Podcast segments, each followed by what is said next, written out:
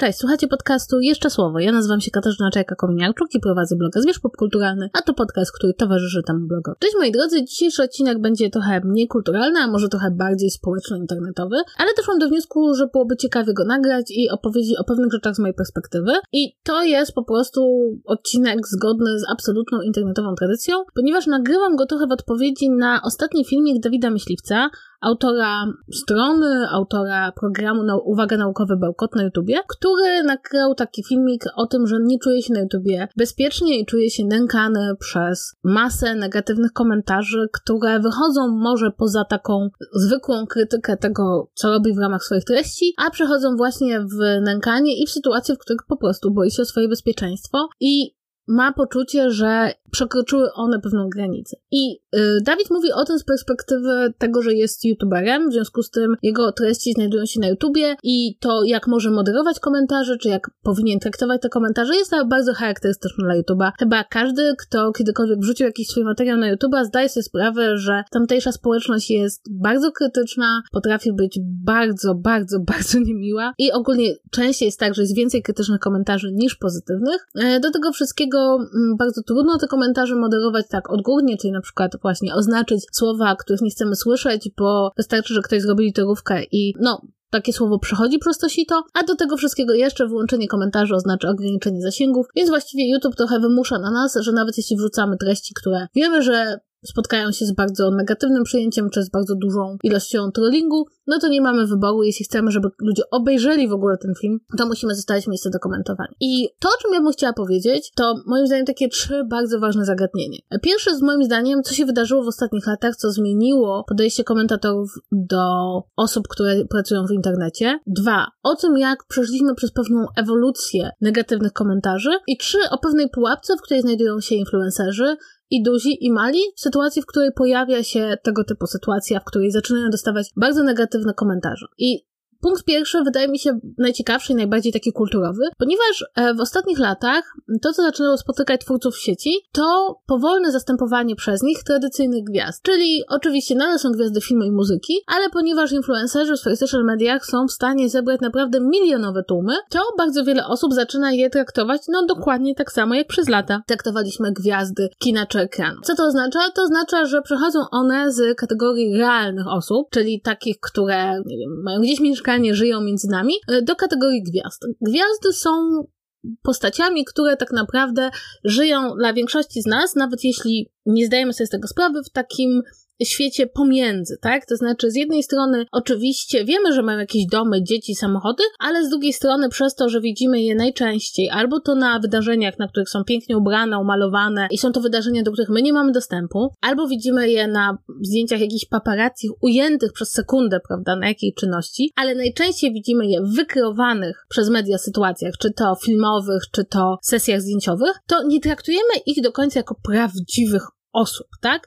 To znaczy, jasne, może być tak, że zdajemy sobie sprawę, że Taylor Swift, powiedzmy, e, ma własny dom, własnego kota, nie wiem, chodzi na spacer, czy nie wiem, korzysta z toalety, ale Prawda jest taka, że Taylor Swift nie funkcjonuje dla większości osób jako po prostu normalna kobieta, tylko funkcjonuje dla nich jako pewna postać kulturowa, o której na przykład piszą fanfiki, albo na przykład mają własne wyobrażenia na temat, nie wiem, jej preferencji seksualnych. Widziałam rzeczywiście e, w internecie pewne oburzenie dotyczące tego, jak dobiera sobie partnerów. I to oburzenie nie dotyczyło tak naprawdę realnej osoby, jaką jest Taylor Swift, e, tylko dotyczyło pewnej persony, na którą patrzymy. I rzeczywiście przez lata nauczyliśmy się pewnego języka mówienia o tych właśnie personach aktorów czy piosenkarzy, bo nauczyliśmy się uważać, że to, co my o nich mówimy, czy myślimy, czy plotkujemy, do nich nie dociera. W związku z tym e, stali się takim naturalną przestrzenią, w której mogliśmy realizować nasze potrzeby plotkowania, oceniania, dyskutowania o wyglądzie fizycznym czy o wyborach życiowych,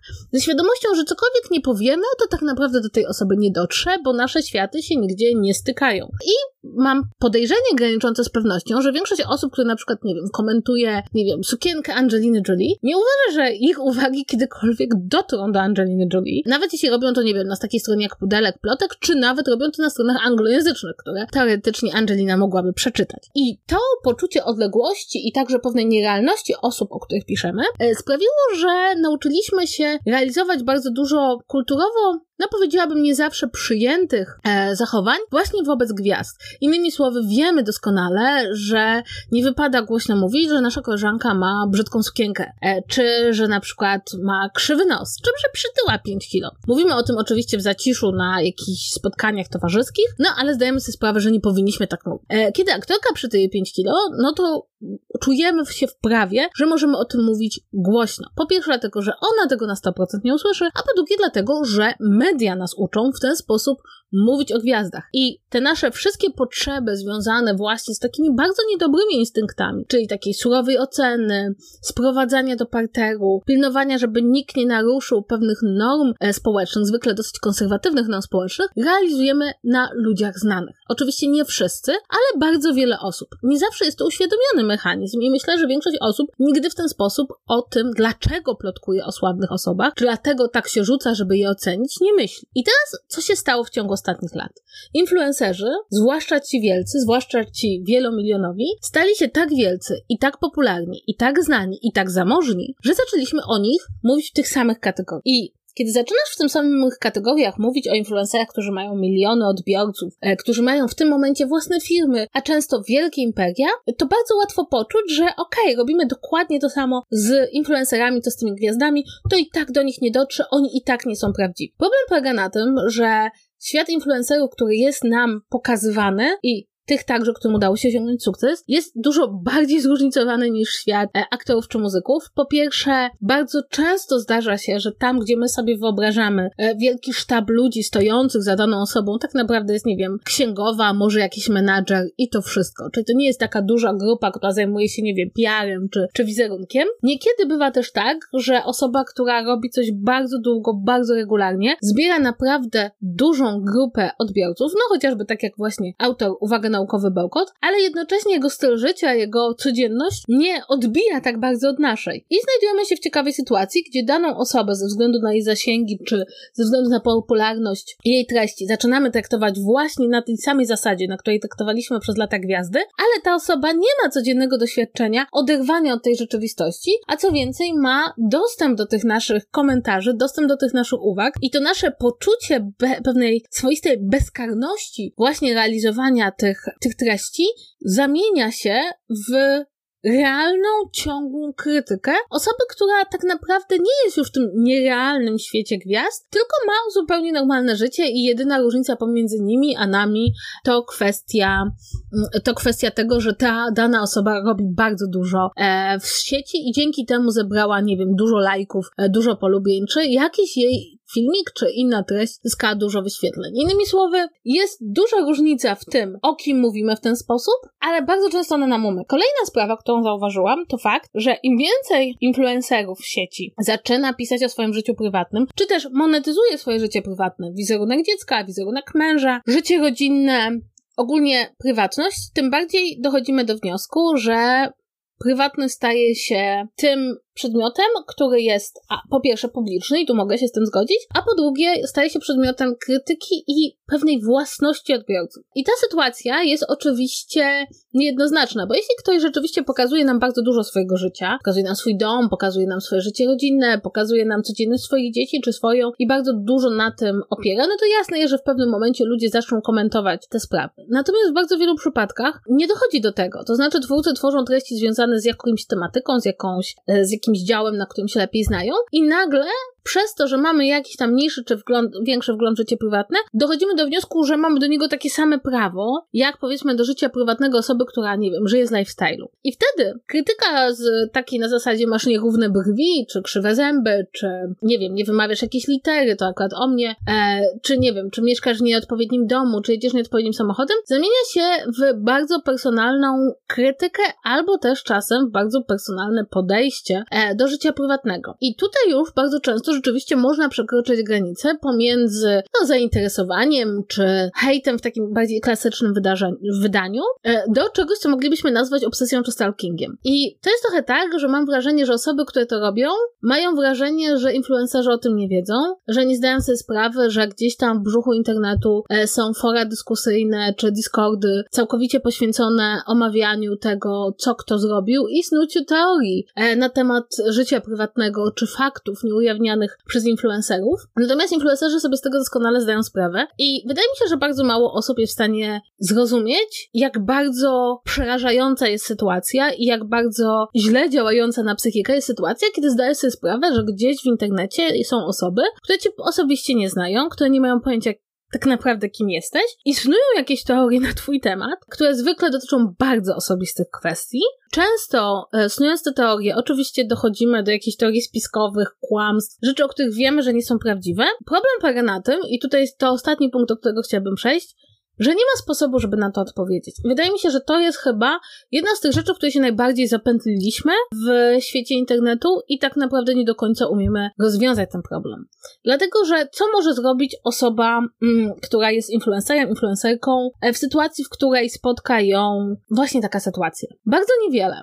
Bo tak, mamy wyłączanie komentarzy, kasowanie komentarzy, banowanie ludzi, e, przy czym, żeby było jasne, mm, kasowanie komentarzy i banowanie ludzi oznacza, że prawdopodobnie bardzo szybko spotkamy się z atakami z innych kont albo z atakami od innych osób, mówiących o tym, że nie jesteśmy w stanie znieść krytyki, że prowadzimy cenzurę, albo wręcz, że po prostu wielkie wymaganie, żebyśmy przyjęli każdy komentarz pod naszym adresem. W związku z tym tak naprawdę to nie jest rozwiązanie. E, banując konto albo wyrzucając komentarz, bardzo często narażamy się na jeszcze więcej agresji w naszym kierunku. Nawet w sytuacji, w której ten pierwszy komentarz już i tak był bardzo agresywny i dlatego go skasowaliśmy. No dobrze, więc załóżmy, że to nie jest perfekcyjne rozwiązanie i też my, jako twórcy, zdajemy sobie sprawę, że osoby, które kasują komentarze, czy wyłączają komentarze, czy e, banują osoby, są potem w sieci uznawane za osoby, które nie umie przyjmować krytyki, e, nawet w sytuacji, w której na bana trzeba sobie zasłużyć jakimiś paskudnymi rzeczami pisanymi pod naszym adresem. No a wyłączanie komentarzy straszliwie obniża e, zasięg posta. Ja na przykład bardzo często wyłączam komentarze w sytuacji, w której zdaję sobie sprawę, że post, który zamieściłam w internecie jest kontrowersyjny, ale ja nie mam w tym momencie czasu, ani możliwości nadzorowania dyskusji. A uważam, że odpowiedzialnością osoby, która wrzuca jakąś treść do sieci jest możliwość nadzorowania dyskusji. E, no i wtedy taki post ma bardzo małe zasięgi. Więc jakby same Same social media, które żyją oczywiście tą energią, tą negatywną energią najczęściej, bo ona tworzy większe zaangażowanie, same social media bardzo nie lubią, kiedy my się próbujemy bronić przed tym. No dobrze, możemy wyjść i się poskarżyć. Problem tylko polega na tym, że skarżenie się influencerów na hejt jest uważane za przykład po pierwsze robienia z siebie ofiary, po drugie, że tak naprawdę ten hejt jest kosztem za działanie w sieci, no a po trzecie, że przecież tego hejtu aż tak bardzo nie ma i że jest to troszeczkę chochoł wymyślony e, na potrzeby influencerów, żeby mogli się przedstawiać jako ci poszkodowani. I wiecie co? Najgorsze jest chyba w tym wszystkim to, że człowiek trochę internalizuje ten sposób myślenia i kiedy przychodzą do niego kolejne paskudne komentarze, zamiast sobie powiedzieć sekundkę, dlaczego, tak? Co takiego robię w tej sieci, że na to zdaniem kogoś zasłużyłem czy zasłużyłam? To nagle masz takie, nie, no spoko, nie, jakby to, to jest coś, co, co musi się wydarzyć. I to nie jest prawda. Jakby nigdzie, nigdzie nie ma założenia, że to się musi wydarzyć. Oczywiście, zawsze może się zdarzyć krytyka tego, co robimy, tak? Nie ma żadnego twórcy, którego nikt nigdy nie skrytykował. Ale naprawdę istnieje bardzo łatwa do mm, odróżnienia krytyka od hejtu. I to nie jest tak, że my nie, nie umiemy tego odróżnić, tak? Wydaje mi się, że większość z nas umie. I też bardzo często jest tak, że latami znosimy osoby, które nas podgryzają, bo nigdy nie przekroczą tej granicy, przy której możemy powiedzieć, to jest hejt. Ja miałam tak wielokrotnie, że widziałam, że osoba, która pisze różne rzeczy, mnie podgryza, ale nie przekroczyła tej granicy, przy której mogłabym powiedzieć, nie, to jest hejt. Więc to nie jest tak, że my nie mamy żadnych, e, żadnych podziałów w głowie. I ostatnia rzecz też jest taka, że no nie, nie ukrywajmy, mam wrażenie, że część osób doszła już do takiego poziomu, no właśnie, myślenie o całym tym biznesie działania w sieci, że on przynosi takie zyski i takie pieniądze i po prostu jest tyle prestiżu, no że zasadniczo rzecz biorąc, trochę się ten hejt nawet należy, że to jest coś, co być może selekcjonuje osoby robiące w sieci i że trzeba mieć grubą skórę. I powiem wam tak, że ja, jakby, ja wiem, że to łatwo wpaść w ten sposób myślenia, ale on jest strasznie toksyczny. No trochę tak jakbyście chodzili do pracy i codziennie kilkoro waszych współpracowników mówiłoby o was paskudne rzeczy, a potem gdybyście się komuś próbowali poskarżyć, to powiedzieliby, dobrze zarabiasz, więc mają prawo. Jakby, jeśli, jeśli widzicie, jak bardzo to nie ma sensu, to jakby jest to łatwo mm, przyjąć. Natomiast odnośnie grubej skóry. Widzicie, to jest jedna z rzeczy, która moim zdaniem jest trudna do wyjaśnienia, to że nie chodzi nawet o to, kto co o nas źle powie pod jakimś jednym konkretnym wpisem, Tylko chodzi o to, że my idąc przez życie jako twórcy, jako twórcy treści, nigdy nie wiemy, kiedy zajrzymy do komentarzy, bo jak słusznie zauważył Dawid, zaglądamy do komentarzy, bo też ustaliliśmy, że komentarze to przestrzeń dyskusji, wymiany poglądów i znajdziemy w tych komentarzach coś tak paskudnego, że to nas dotknie.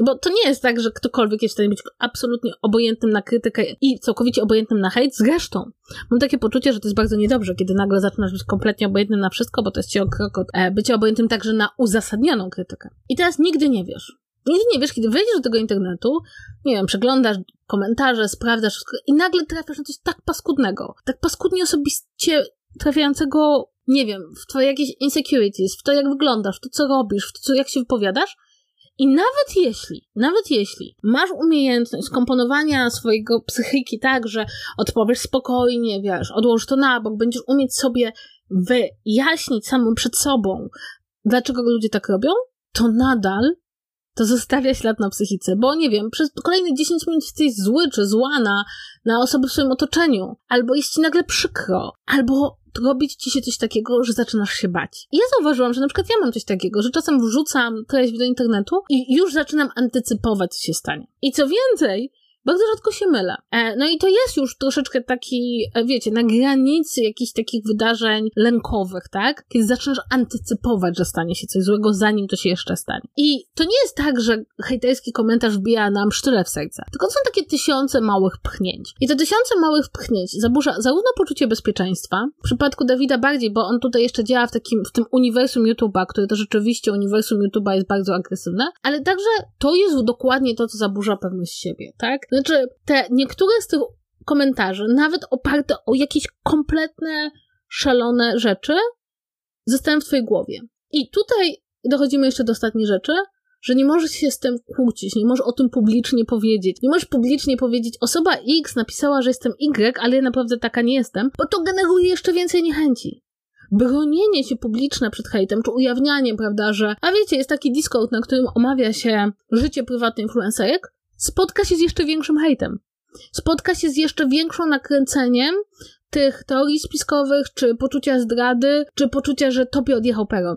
W związku z tym, jedyna rzecz, którą możesz robić, to zasadniczo rzecz biorąc udawać, że tego nie ma, póki to nie sprawi, że na przykład przestaniesz mieć radość z robienia różnych rzeczy, czy wchodzenia do internetu. I nie da się z tym wygrać. To nie jest tak, że można powiedzieć, zamknijcie ten wątek, zbanujcie tą osobę. Nie. Ta potrzeba, która się wytworzyła, jest zbyt silna. I ja mam takie poczucie, że jeśli mnie to dotyka, jako osoby, która ma po pierwsze bardzo taki delikatny zakres tematyczny, no bo okej, okay, dobra, poruszam sprawy społeczne i poruszam sprawy polityczne na Instagramie e, i trochę się wysłośliwam politycznie na Twitterze, ale ogólnie wszyscy wiedzą, że ja się zajmuję kulturą popularną, tak? E, ja się nie wypowiadam w bardzo wielu kwestiach, które są naprawdę w tym momencie e, drażliwe. Ale Dawid na przykład mówił o szczepionkach, co znaczy, że cała ta szczepionkowa fala się po nim przelała. Ja mam małe konto tak? Ja myślę, że tutaj 30 parę tysięcy, tam 40 tysięcy to są małe konta, tak? Ale jak masz kilkaset tysięcy, nie wiem, czy kiedykolwiek ktokolwiek był w stanie psychologicznie ponieść taką sytuację. Jeśli ja to odczuwam, zajmując się niszową sprawą, wzbudzając chyba stosunkowo mało kontrowersji, chociaż nie uwierzylibyście, jakie rzeczy w internecie wzbudzają kontrowersje, i prowadząc takie, no, naprawdę żadne życie, tak? No, jakby mieszkam w dwupokojowym mieszkaniu w bloku na perlaskim osiedlu, nie mam samochodu i wiecie, i nie robię nic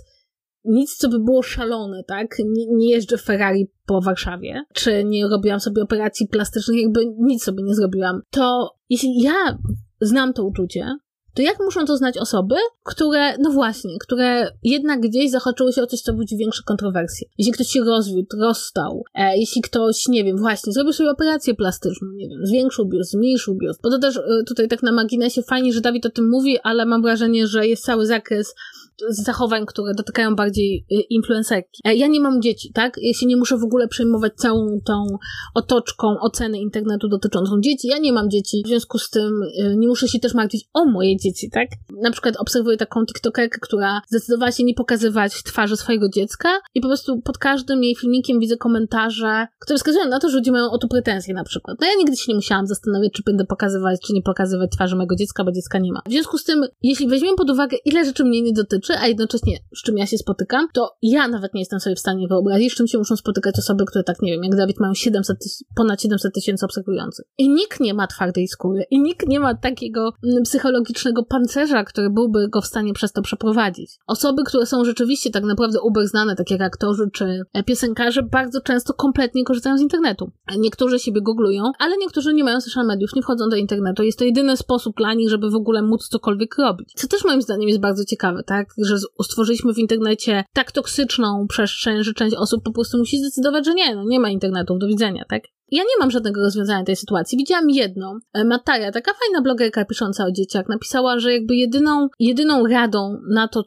jak wygląda rzeczywistość obecnie, to jest, no, i to bardzo słuszne, edukacja dotycząca mm, komunikacji w sieci, ale nie nas, czyli milenialsów, czy nawet nie pokolenia e, generacji Z, która, która już w tym internecie jest, tylko, tylko tych dzieci, które dopiero do internetu wejdą. E, bo tak jak uczymy dzieci e, o emocjach i o komunikacji w świecie realnym, jak uczymy, że nie wolno wytykać palcem osoby, która wygląda inaczej, uczymy dzieci grzecznych form, uczymy konstruować jakby te komunikaty w sposób przyjęty społecznie, no to w ogóle olaliśmy internet, tak? No jeśli wchodzisz do internetu, w którym są takie zasady i tak można się komunikować, to dlaczego ma się komunikować inaczej, tak? Dlaczego masz być ten lepszy? I ja się zgadzam z tym, tak? Że tutaj jedyna rzecz, którą moglibyśmy zrobić, to cofnąć się trochę i wprowadzać te dzieciaki do internetu już także ze świadomością, że rzeczy, które tam się dzieją, są bardzo prawdziwe, tak? Że to nie jest tak, że jak coś napisze w internecie, to to nie jest prawda. Ja miałam jakąś koleżankę, która mi powiedziała, jak straszliwie się kłóciłyśmy w internecie o coś, ja na, na samym końcu powiedziałam, że kurczę, jestem zła, ona mówi, dlaczego? Przecież to nie jest prawda. I wtedy sobie pomyślałam, że wow, myślenie o internecie może być bardzo różne u bardzo różnych osób. E, ja ją podziwiam za to, po części, bo to jej pozwala kłócić się z całą zażartością argumentu, po czym następnego dnia czuć się doskonale, więc to też ma, to też ma jakieś plusy. E, natomiast wydaje mi się, że też jest jakaś bariera, żeby o tym mówić. Jest bardzo dużo aktu. Słowo hejt jest tak często wykorzystywane, że stało się totalnie puste. I to też nie jest tak, że hejt jest dominującym doświadczeniem, jest doświadczeniem wpisanym w twórczość, ale nie jest tak, że są tylko hejty. E, I wydaje mi się, że wielu blogerów boi się, że jeśli o tym powie, blogerów, influencerów, to zostanie to czytane, że oni tylko dostają taki feedback. No nie, no wiemy, że to jest tylko jakiś procent. E, no ale właśnie, kiedy mówimy, wiemy, że to jest tylko jakiś procent, to umniejszamy problemowi, a z drugiej strony słowo hejt zostało po prostu kompletnie, kompletnie wy, wyprane ze znaczenia, tak? Po prostu tyle razy było tyle akcji przeciwko hejtowi w sieci. I tyle rzeczy, które hejtem nie były, zostały nazwane hejtem. I tak często osoba krytykowana z bardzo mm, takiego powiedziałabym zdystansowanego sposobu odwoływała się do hejtu, że dzisiaj nie możesz powiedzieć dotyka mnie hejt w sieci, dlatego że ludzie już nie rozumieją w ogóle, nie ma, nie ma to pojęcia żadnego znaczenia. Więc też nie mam poczucia, że jakiekolwiek akcje cokolwiek zmienią, bo nie zmienią. No jedyne co może, no to właśnie, no takie szczere mówienie o swoich doświadczeniach, ale nawet ja teraz, mówiąc o tych swoich doświadczeniach,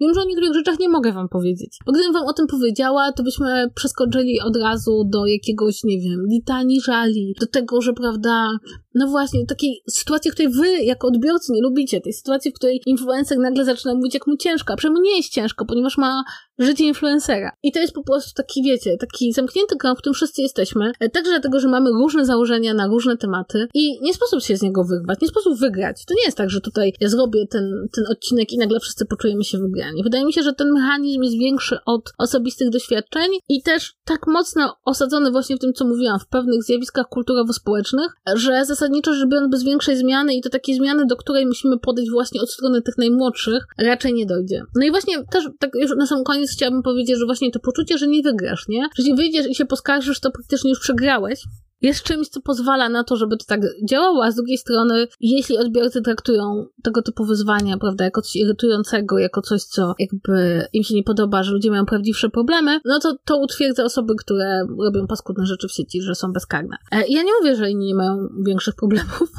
E, absolutnie mają większe problemy i wydaje mi się, że na przykład taki normalny, codzienny mobbing w pracy jest większym problemem niż takie hejterskie komentarze. E, widziałam na własne oczy, jak wyglądają ludzie, którzy byli poddani mobbingowi, tak? I to jakby, tylko ja mam też takie już na sam koniec, mam takie poczucie, że jakby to, że coś jest problemem, nie znaczy, że jest największym problemem na świecie. Bo zdajemy, zdajemy sobie sprawę z tej gradacji, no ale czasem te mniejsze problemy też są warte wyartykułowania. Być może rzeczywiście czasem są artykułowane częściej, no właśnie ze względu na to, że dotykają osoby, które mają zasięgi. Przez co możemy więcej powiedzieć o tym, co my przeżywamy, mniej na przykład o tym, że większość Polaków przeżywa w mniejszym lub większym stopniu mobbing w pracy. I bardzo niewielu sobie z tego zdaje sprawę, bo to też jest bardzo ważne. Kiedy rozmawiam z różnymi osobami, mam wrażenie, że bardzo wiele osób, które przeżywają mobbing, nie zdaje sobie sprawy, że nie tak powinno wyglądać miejsce pracy. Akurat kultura pracy w Polsce jest taka, że wiele osób po prostu przyjmuje, że jeśli ktoś jest dla nich niemiły, na nich krzyczy, korzysta z przekleństw, e, z niewiadomego powodu nagle zmienia warunki umowy, odnosi się do życia prywatnego, czy komentuje wygląd, tak powinno być, nie? Albo w ogóle tak jest, czego chcemy, no. A to jest mobbing. I w ogóle najlepsze jest to, i to już tak